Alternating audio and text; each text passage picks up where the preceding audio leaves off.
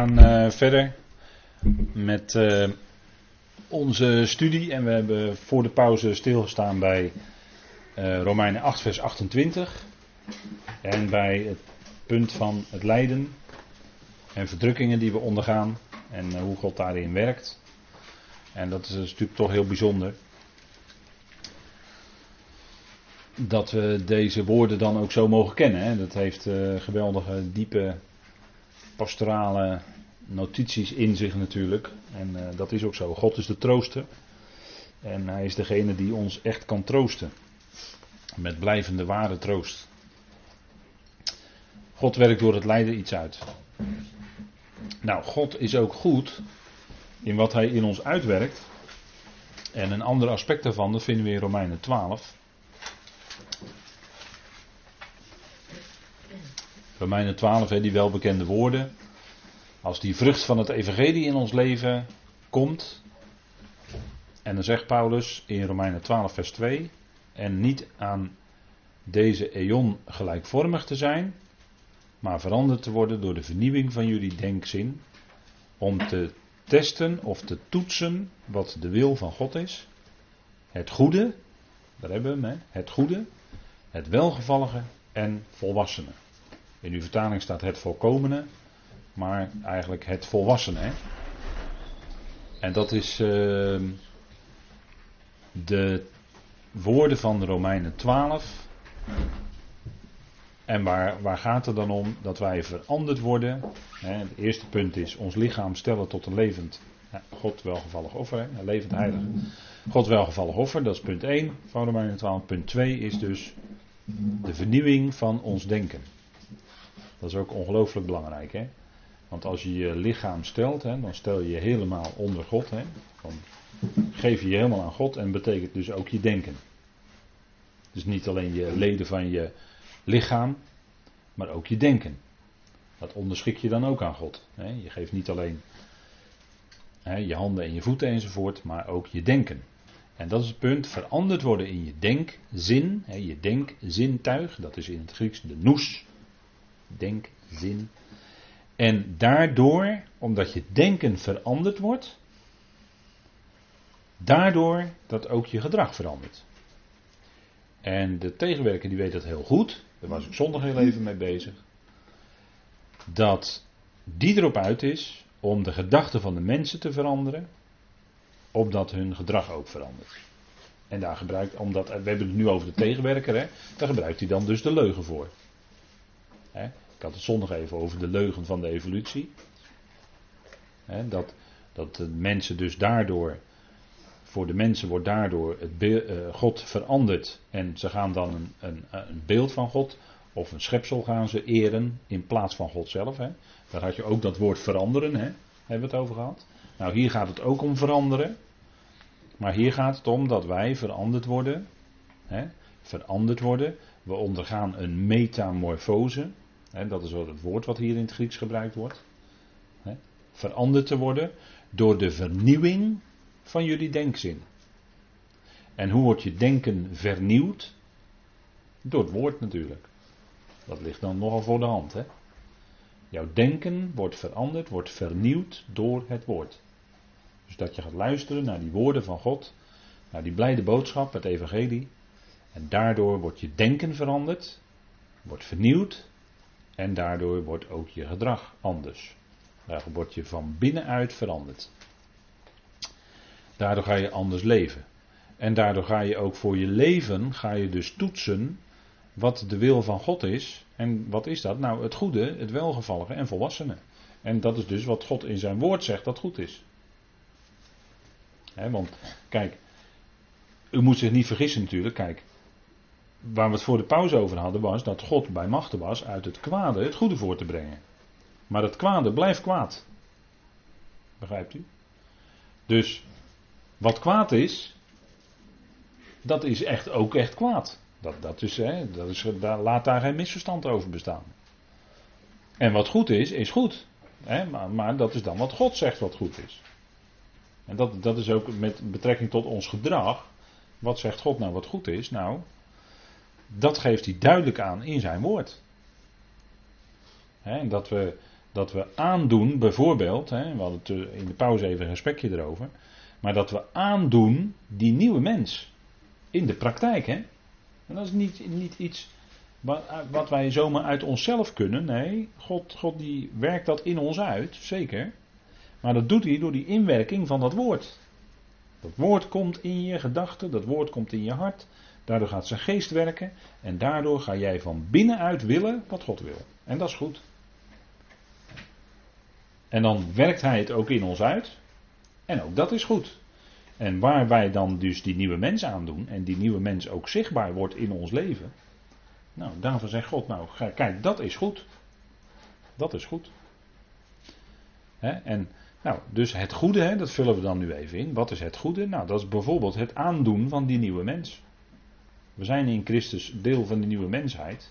En in de praktijk doen wij die nieuwe mens aan. En dat is goed. Dat is God welgevallig. Dat is ook ons gebed, hè, dat we voor God welgevallig zijn. Dat we doen wat Hem welgevallig is. En dat gaat hij in ons uitwerken. En het volwassene, hè, wat met de rijpheid of met de volwassenheid in het geloof overeenstemt. Dat wat volkomen is, wat volwassen is. En uh, wat goed is, wat Hij goed acht voor ons. Nou, dat is die wandel in, in een nieuw leven, in nieuwheid van leven wandelen. Het opstandingsleven. Nou, dat is goed, dat is God welgevallig, dat is volwassen. maar dat is een geweldige verandering. En dan kom je dus terecht bij het goede, het, wat God goed vindt. En dat wordt dan bevestigd, hè, want die volgende hoofdstukken van Romeinen gaan dan verder over onze wandel, hè, over de praktische uitwerking van het evangelie zou je kunnen zeggen. En dan zegt Paulus in Romeinen 15, vers 4, nu ben ik ervan overtuigd, mijn broeders, ook ikzelf met het oog op jullie, dat jullie ook zelf overvol van goedheid zijn. Er staat in uw vertaling misschien vol, maar eigenlijk staat er een woord dat betekent overvol. Dat wordt ook gebruikt op een andere plek. Dat zal ik zo even aangeven. Maar dat jullie ook zelf overvol van goedheid zijn. Vervuld met alle kennis, in staat ook elkaar terecht te wijzen. En dan moeten we daar even een paar notities bij maken. Maar eerst van dat jullie zelf overvol van goedheid zijn. Hoe kan dat? Dat kan omdat ze die geest hadden ontvangen. Want we hebben het vanavond over de vrucht van de geest. Nou, dat is goedheid en dat staat hier ook. Hè? En dat, dat is alles wat God, goed, wat God zegt dat goed is.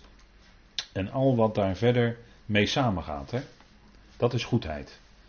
En dat, dat, uh, dat die Romeinen vol van goedheid waren. Nou, dat is dus dat, dat, dat geloof, dat die geest van God onder hen functioneerde. En dat werkte zich op een geweldige manier uit. Hè. Die liefde onderling die functioneerde. Dat, uh, dat er volle liefde was onder elkaar. En dat ze dan ook uh, steeds voor elkaar ook het goede op het oog hadden. En uh, op allerlei manieren elkaar ondersteunden en opbouwden. En, en met elkaar op een goede manier leven. Nou, al die aspecten, ik noem maar even een aantal dingen. Maar het heeft allemaal te maken met die goedheid. Hè? En Paulus die koppelt dat ook aan vervuld met alle kennis. Het gaat niet alleen om, om kennis eh, natuurlijk in je hoofd, dat weet u wel, maar het gaat om hartekennis. Hè? Hartekennis van het woord. Het woord in je hart hebben. Die kennis. Kennis van het evangelie natuurlijk, want in, in Romeinen gaat het om het evangelie van God. God, hoe die in het evangelie naar voren komt. Wie God is. want daar gaat het natuurlijk om in het evangelie. Het goede nieuws is, de blijde boodschap is, wie God is. daar gaat het eigenlijk allemaal om. Nou, als dat in je hart komt, dan ben je vervuld, dan raak je vervuld met alle kennis. Kennis van het evangelie, kennis van het woord. En kennis is ook gemeenschap vanuit het Hebreeuws. Het Hebreeuwse woord da'at, dat komt u misschien wel bekend in de oren voor als ik dat zo zeg. Maar dat betekent eigenlijk kennis. En kennis vanuit het Hebreeuws betekent gemeenschap. Dus dat je omgang hebt met God, met Hem in gesprek bent, je laat Hem tot je hart spreken. Dat is eigenlijk op zijn Hebreeuws kennis. En dan zegt Paulus, in staat ook elkaar terecht te wijzen. En is dat dan een waarschuwend vingertje naar, naar alle medegelovigen opheffen en zeggen van je moet zus en je moet zo? Nee, natuurlijk niet hè. Natuurlijk niet, dat is het niet. Want we zouden in genade en liefde met elkaar omgaan. Maar terechtwijzen is het denken op de juiste plaats zetten.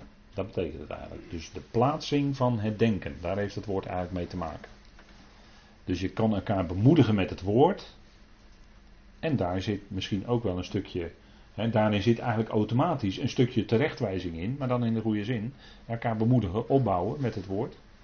Troostvolle woorden spreken.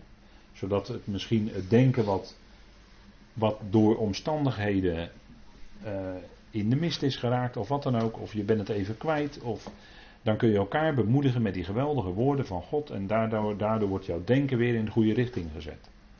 dat, dat is eigenlijk het woord terechtwijzen vanuit het Grieks. Nou. En overvol, wat is dan overvol? dat jullie overvol, nou dat was ook dat net wat die discipelen uitwierpen. Ze waren de hele nacht bezig geweest en toen zei de Heer van, uh, gooi dat net maar eens aan de andere kant uit. En toen zat het overvol, er zaten 153 vissen in. En de heer, de heer, in feite zat natuurlijk in het woord van de Heer al een belofte. Dat, uh, de, gooi het net maar aan de andere kant uit. Daarin zat al de belofte natuurlijk dat het net vol met vissen zou raken.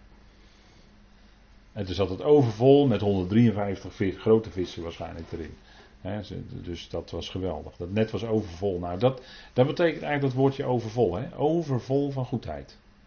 Dus je bent helemaal vol met dat, met dat geweldige evangelie. En als je daar vol van bent, ja, dan ben je ook in staat om elkaar te bemoedigen, om elkaar te troosten, om elkaar terecht te wijzen. In de goede zin, hè. Nou, dat is, uh, dat is goedheid. Vol van goedheid. Hè? Dat is onder meer in staat om ook elkaar te bemoedigen, te troosten enzovoort. En Efeze die zegt er ook iets over, over dat begrip goedheid. En dan gaat het om de vrucht van het licht. Staat er in Efeze 5, vers 9. Hè? Vind ik altijd een mooie tekst. De vrucht van het licht. Hè, want licht is in de natuur nodig om ook vrucht te brengen. Vrucht voor te brengen. Hè. Plantjes die in donker staan, die gedijen niet zo goed. Maar plantjes die in het volle zonlicht komen, die, uh, die groeien wel hoor. Dan moet je wat water geven af en toe. Als het wat droog is. En dat deed Apollos ook. En zo konden die plantjes dan groeien. Hè. En uh, de vrucht van de liefde, uh, vrucht van het licht, hè, de vrucht van het licht. Nou, licht is natuurlijk alles wat met God te maken heeft. God is licht. De Jezus Christus zei van zichzelf: Ik ben het licht van de wereld. Uh, als Hij schijnt in ons leven, dan gaat daar een vrucht ontstaan. En die vrucht, zegt Paulus, die bestaat in alle goedheid, gerechtigheid en waarheid.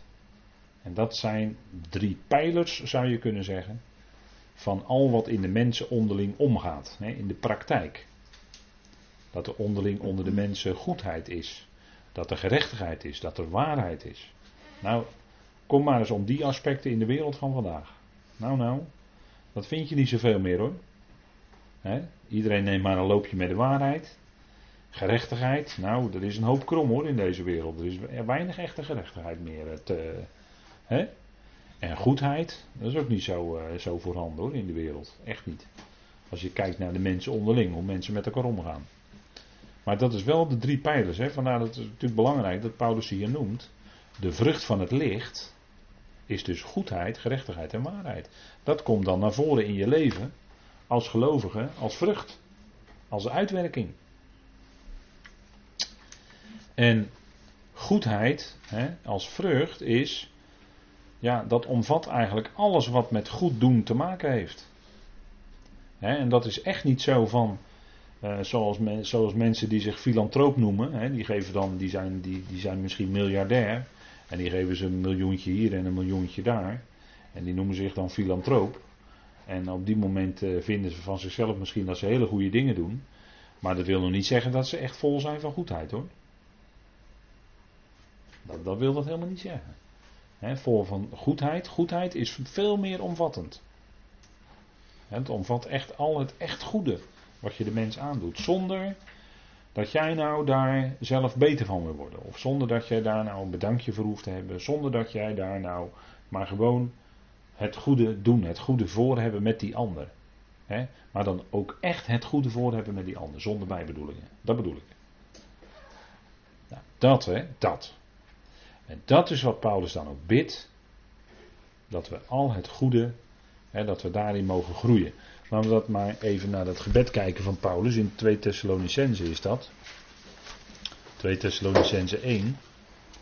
En 2 Thessalonicense 1 is een heel moeilijk hoofdstuk. En misschien dat we daar eh, binnen het kader van het profetisch woord nog wel eens een keer aan toekomen. Dan gaan we daar, eh, wil ik daar nog wel eens uh, misschien een avond of misschien zelfs wel twee avonden aan besteden. Want dat is een heel moeilijk stuk, 2 Thessalonicense 1. Omdat het vaak verkeerd gelezen wordt. Dat is het probleem. Maar goed, daar gaan we het vanavond niet over hebben. Dat heeft er meer te maken met de toekomende dingen. Maar het gaat om vers 11 vanavond. En er staat, daarom bidden wij ook altijd voor u, dat onze God u de roeping waard acht en hij al het welbehagen van zijn goedheid en het werk van het geloof met kracht volbrengt. En dat is opdat de naam van onze Heer Jezus Christus in jullie verheerlijkt wordt en jullie in hem overeenkomstig de genade van onze God en van de Heer Jezus Christus.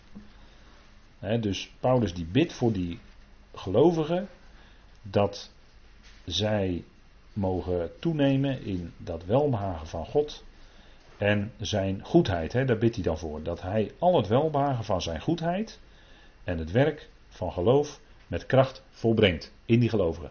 Dat was Paulus' gebed voor die Thessalonicenzen. Nou, dat kunnen wij met Paulus meebidden voor de andere gelovigen. Dat wij dus dat welbehagen, hè, dat wij dat kunnen uitwerken, dat God dat door ons heen uitwerkt in goedheid en het werk van het geloof. Hè. Want we, we zeggen natuurlijk altijd van ja, dat wij gered zijn is niet door onze werken, maar het is door het geloof van Jezus Christus. Dat is ook zo, dat blijft gewoon allemaal staan. Maar dat betekent niet dat als wij gelovigen zijn, dat wij niet meer werken. Maar wat wij dan doen, is die werken, die goede werken, die God tevoren bereid heeft. Opdat we daarin zouden wandelen. Want die heeft God van tevoren al voor ons klaargelegd. En die loopbaan, die kunnen we dan lopen, om het zo maar te zeggen. In die werken die hij dan op ons weg brengt, die mogen wij gaan doen. En dat is helemaal niet van eh, een stukje prestatie van ons. Nee, dat is ook genade natuurlijk dan. Hè? Maar dat zijn dan, eh, daar heeft Paulus het hier over. Het werk van het geloof. dat je een gelovige bent. En kijk, geloof heeft ook altijd de andere kant van trouw. In het Grieks en in het Hebreeuws is dat zijn begrippen die zijn onderling verwisselbaar. amen in het Hebreeuws, dat is zowel geloof als trouw. En in het Grieks is dat een ander woord, maar dat betekent aan de ene kant geloof en aan de andere kant betekent dat trouw. Dus als het gaat hier om werken van het geloof, betekent ook dat wij in die dingen die wij doen, dat we daarin trouw zouden zijn. En Paulus zegt het ook tegen Timotheus, als Timotheus de dingen wil doorgeven aan anderen, dan moet hij uitkijken naar mensen die trouw zijn en betrouwbaar om dat werk te kunnen voortzetten. Dus daar moet, dat moeten mensen zijn die trouw zijn. En, dat is niet, en natuurlijk, dan is dat ook van het, door het geloof. Zo brengt God dat dan in die levens uh, tevoorschijn. Maar uh, het punt is, kijk, geloof, dat heeft ook te maken met trouw. Gelovig zijn is ook tegelijkertijd trouw zijn. En dat is een heel belangrijk facet natuurlijk. Want als we bezig zijn met uh, ja, een stuk werk van de Heer, dan is, het, dan is het natuurlijk zaak dat we daarin trouw zijn. En dat we, hè, en dat, dat is natuurlijk met, met, met duizend en één hele simpele voorbeelden te illustreren. Maar, maar stel je nou voor dat je ergens een zaal hebt waar een samenkomst wordt gehouden. En er moet er toch iemand zijn die op tijd de kachel aanzet in de winter. Die op tijd, en er moeten mensen zijn die op tijd de stoelen klaarzetten, ik noem maar wat want anders wordt het een beetje lastig. Moeten, al die mensen, de hele, hele dienst moeten ze staan. Dat is ook een beetje lastig natuurlijk. Het is wel handig als er een aantal mensen zijn die, die even wat vroeger dan hun bed uitkomen. En dan die stoelen klaarzetten. Want dan kunnen die mensen fijn zitten. En dan kan de dienst zich afspelen en kan het woord gesproken worden. Nou, dat is toch een goede zaak. Maar stel je dan voor dat al diegenen die die stoelen klaarzetten, de ene zondag wel komen, de volgende zondag niet, want dan vinden ze het maar nodig om langer op bed te blijven liggen. Nee, dan moet je trouw zijn. Dan zegt u, ja, dat is een heel simpel voorbeeld. Maar ja, zo simpel is het wel. Stel je dan voor dat er niemand op tijd is om, om de, de sleutel in slot te doen, om die zaal te openen. Of die is dat vergeten, of die, uh, die heeft de verjaardag gehad de vorige avond, die wil lekker uitslapen. Ik noem maar wat geks, hè. Nou, dan is die zaal niet eens open. Er staan allemaal mensen voor een dichte deur. En de spreker, die zich heeft voorbereid. Urenlang, dagenlang misschien wel.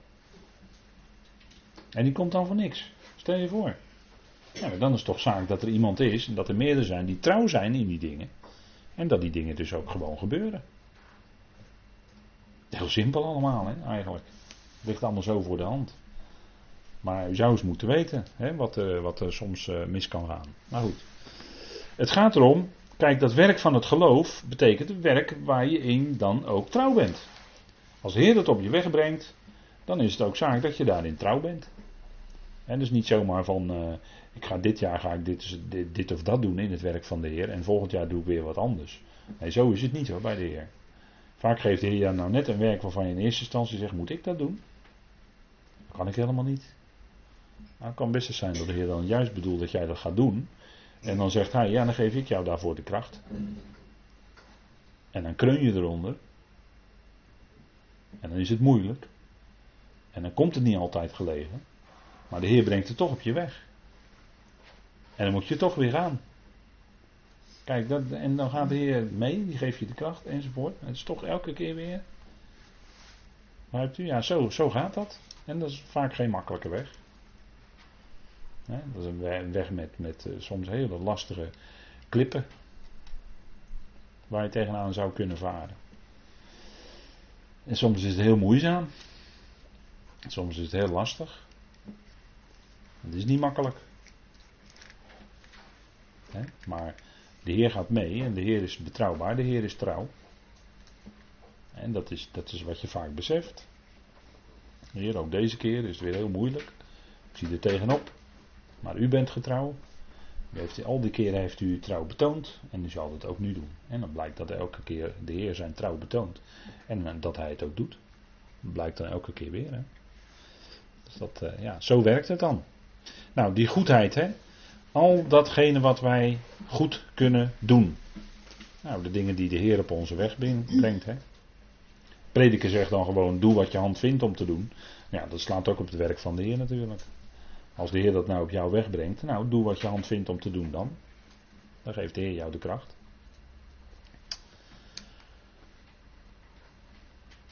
Gerechtigheid, ook een stukje vrucht van het licht. Hè. We hebben het over Efeze 5, vers 9.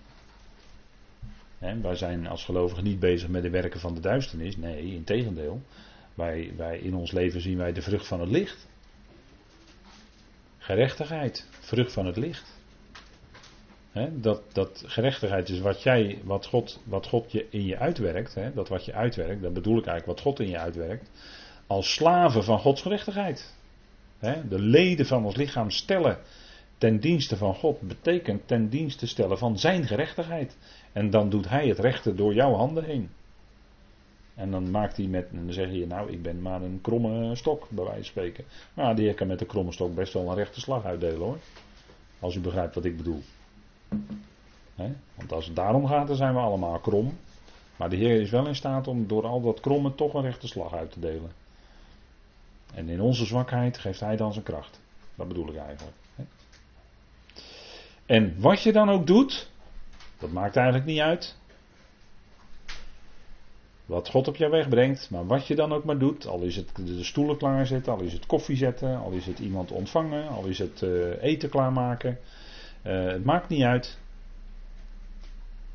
Maar God brengt de dingen op je weg. En dan gaat het erom dat je dat doet. Nou, slaven van Gods gerechtigheid, dat betekent recht doen, het juiste doen, leden stellen in zijn dienst. Paulus was ook slaaf. Zo begint die Romeinen.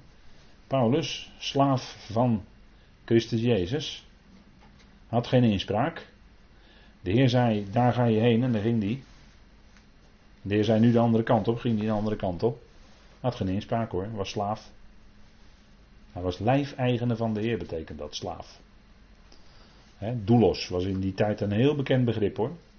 De slaven werden toen op de markt verkocht en dan kwamen de handelaren, die, verkochten die kochten een slaaf. En vervolgens was die slaaf als hun lijfeigenaar, moesten precies doen wat die heer zei. Als die heer zei, ga jij de tuin maar doen, dan moesten ze de tuin gaan doen. Of ga jij de afwas maar doen, dan ga jij de afwas doen. Of ga jij de stoelen klaarzetten, ga jij de stoelen klaarzetten. Geen inspraak hoor. Nou, zo is het ook in, in, bij de Heer, bij Christus Jezus. Paulus ging, Timotheus ging, Apollos ging. Slaven van Christus Jezus. En ze deden, en dat was gerechtigheid. Gerechtigheid hebben we ontvangen door het geloof van Jezus Christus. En vervolgens gaat die gerechtigheid door in ons leven in de praktijk. Wij zijn tot dienst van zijn gerechtigheid. Wij doen het rechte. dat is eh, het gevolg daarvan. Nou, stukje vrucht van het licht. Hè. En dan waarheid als vrucht van het licht. Die waarheid heeft natuurlijk altijd te maken met Gods woord. Waarheid heeft altijd te maken met Gods woord. En we leven in de tijd dat iedereen een loopje neemt met die waarheid, ook gelovigen. En dan is het wel zaak om heel goed te blijven bij die waarheid. Want die waarheid in ons leven is een vrucht van het licht. En dat is fantastisch hoor, als je de waarheid mag kennen. En tegenwoordig mag je dat nu natuurlijk niet meer zeggen, dat Gods woord de waarheid is, want dat vindt men eh, aanmatigend. En dat vindt men maar arrogant als je dat zegt, hè, dat Gods woord de waarheid is. Ja, ja, jij zal zeker de waarheid in pacht hebben. We hebben helemaal niks in pacht, we hebben Gods woord. Ik heb de waarheid niet in pacht, maar we getuigen van Gods woord. Dat is de waarheid. We spreken na wat staat geschreven. En als iemand dat wil bestrijden, dan moet, je, dan moet jij komen met aantonen uit de schrift dat het anders is. Dan moet je het aantonen. Dan laat ook ik me overtuigen hoor, dat het misschien anders zou kunnen zijn. Maar dan moet je het aantonen vanuit de schrift. En als je niet kan, ja, dan blijven we bij wat we geloven en wat we erkennen uit de schrift. En dan blijven we bij die waarheid. En daar valt dan niet mee te, daar, daar kun je niet mee marchanderen. Hè? Maar er zijn er velen, en dat was ook in de dagen van Paulus al zo, die, uh, dan gebruikt hij een, dacht ik een beetje Jiddisch woord, verschacheren. Is dat een Jiddisch woord? Verschacheren? Ja? Ja, oké. Okay. Therese is een Jiddisch woord. Verschacheren. Dat betekent een beetje loopje nemen met die waarheid. Gods woord, weet je wel, net niet. soms hoor je een spreker en dan denk ik, het lijkt er heel veel op, maar het is het net niet. Want het staat er net anders. En soms moet je heel scherp horen, luisteren. Maar dan hoor je soms wel de afwijking, ja. Dan denk je, ja, jammer. Mooi gezegd, maar jammer. En dus altijd weer toetsen aan wat er staat geschreven. En waarheid heeft ook te maken met het erkennen van de wil van God. waarheid komt uit Gods woord en laat de leugen zien. Als Gods woord als licht op jouw leven valt, ja, dan ontdek je ook die plekjes waar misschien het nog niet volle waarheid is. Dat kan in je leven, in je praktische leven, dat kan. Als Gods licht erop valt. En als je dat merkt, dan moet je met vader over spreken. Het is helemaal geen zaak om van te schrikken, maar spreek er met vader over. Bespreek het met vader. En dan komt het in het licht. Dan breng je het in het licht, in gebed in het licht bij God. Nou, en dan gaat het duisteren gaat verdwijnen uit je leven. Nou, dat is alleen maar fijn. Nou, het erkennen van de wil van God. Dat betekent niemand kwaad met kwaad vergelden. Even heel praktisch, hè. Niemand kwaad met kwaad vergelden. Want het kwade blijft kwaad. wat God kwaad noemt, dat is ook kwaad en dat blijft ook zo hoor. Hoewel hij bij machten is daaruit het goede voor te brengen. Maar dat kwade op zich blijft kwaad. Even, even duidelijk blijven hè, met elkaar. Even gewoon eerlijk blijven. En dan is het zaak om niemand kwaad met kwaad te vergelden. Niemand kwaad in plaats van kwaad te vergelden. Dus als iemand jou kwaad aandoet, dan zouden wij niet hetzelfde bij diegene terugdoen. Maar in plaats daarvan het goede terugdoen. Nou, dat is moeilijk hoor in de praktijk. dat gaat dwars door je mens zijn heen. Dat gaat er dwars doorheen. Maar dat, dat kan bijvoorbeeld betekenen, dat betekent bijvoorbeeld dan dat je bijvoorbeeld je vijand, let op hè, dat je je vijand, dat je die te eten geeft en te drinken geeft. En dat je op die manier vurige kolen op iemands hoofd hoopt. En dat is een, beeld, een prachtige beeldspraak voor eigenlijk de liefde. Dat vuur van de liefde en dat daardoor die ander beschaamd wordt. En, en misschien ineens ontdekt zijn, eigen, zijn of haar eigen vijandige houding. Dat kan. En op, op zijn minst eh, voor, voor je vijanden bidden. Op zijn minst, hè. Maar dus niemand kwaad met kwaad vergelden. Nou. En, en bedenk dat maar eens in de tegenwoordige boze eon. Hè. Dan, dan daar leven wij in. Nou, dat is wat hoor, die eon waarin wij leven. Dat is inderdaad aan alle kanten, heeft hij een boos karakter, absoluut. En daarom zouden we niet met deze eon meegaan. We hadden het net over Romeinen 12 vers 2, hè, er werd deze eon genoemd. Nou, deze eon is een boze eon. En die is erop uit om jouw denken te veranderen. En daar zijn allemaal denkenveranderaars zijn in de wereld heel erg actief, al, al, al, al heel lang. Daar, daar zou ik een paar avonden over kunnen praten met u. Hoe dat dan werkt in de praktijk. Maar dan zie je dat het een boze eon is. En dat men dus aan alle kanten ons denken wil veranderen. En wil meeslepen in de tijdgeest enzovoort. Maar we laten ons niet meeslepen, wij blijven door bij dat woord. Hè? Bij die waarheid van God. En nu is het ook zaak om als je die waarheid van God leert kennen. En dan is het zaak voor degene die dat mogen spreken, dat is heel belangrijk. Dat je een niet te beschamen arbeider bent. Die het woord van de waarheid recht snijdt. Ortho tomeo staat er dan in het Grieks. Dus recht verdelen is dat eigenlijk.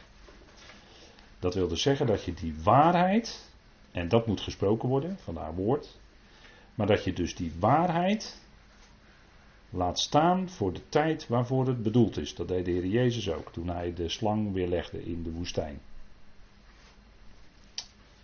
En dat zouden wij ook doen. Die waarheid van God juist verdelen, zodat die waarheid die voor een bepaalde tijd bedoeld is, de waarheid voor nu, dat die ook voor nu toegepast wordt en blijft klinken er zijn ook andere waarheden, maar die gelden bijvoorbeeld voor de toekomende tijd van het koninkrijk. Dat is, zijn ook waarheden, maar die gelden dan, die gelden niet nu. Dus dat moet je niet met elkaar verwisselen. Nou, dat is dus heel belangrijk voor een, voor een arbeider in het woord, om dat woord van de waarheid juist te snijden. Dat is ongelooflijk belangrijk voor uw wezen, voor uw wezen als gelovige. Want daar waar ook maar een klein beetje afwijking zit, daar ga je dus in je geestelijke denken en in je geestelijk leven ga je ook afwijken. Dus het is heel belangrijk om daarbij te blijven. En die waarheid komt uit Gods woord en laat dus tegelijkertijd de leugen zien. Hè? Als je de waarheid kent, dan onderken je ook de leugen. Dan onderken je ook het vals. Dan hoor je de afwijking. Dus dat beheer en we leven in de tegenwoordige boze eon en wonderlijk genoeg leven wij ook in het beheer, hè, in de administratie van de genade van God. Efeze 3, vers 2, weet u wel. Hè? En wat geldt dan in deze tijd als waarheid? Paulus, mijn genade is je genoeg. In jouw situatie, mijn genade is je genoeg. Want mijn kracht wordt eerst ten volle onthuld in jouw zwakheid. Nou, daarom werd Paulus zwak en roemde hij zelfs in zijn zwakheden. Want dan kwam die kracht van Christus over hem en in hem. En zo kon hij dan toch doorgaan. Waar misschien andere mensen dat niet zouden kunnen. Maar Paulus kon doorgaan omdat die kracht van Christus in hem werkte. En dat was die genade van God. En daarom zei de Heer tegen hem: Mijn genade is je genoeg, Paulus. In jouw omstandigheden, je hebt drie keer gebeden. Of die bode van de tegenstander van je af zou laten, die doorn in je vlees. Maar dat doet, dat, God nam dat niet weg. Maar hij zei, mijn genade is je genoeg. In die situatie, in die omstandigheden, dat is het. En dat is ook genoeg, hè, want genade is heel veel. Goed, wij uh, willen hierbij laten voor vanavond.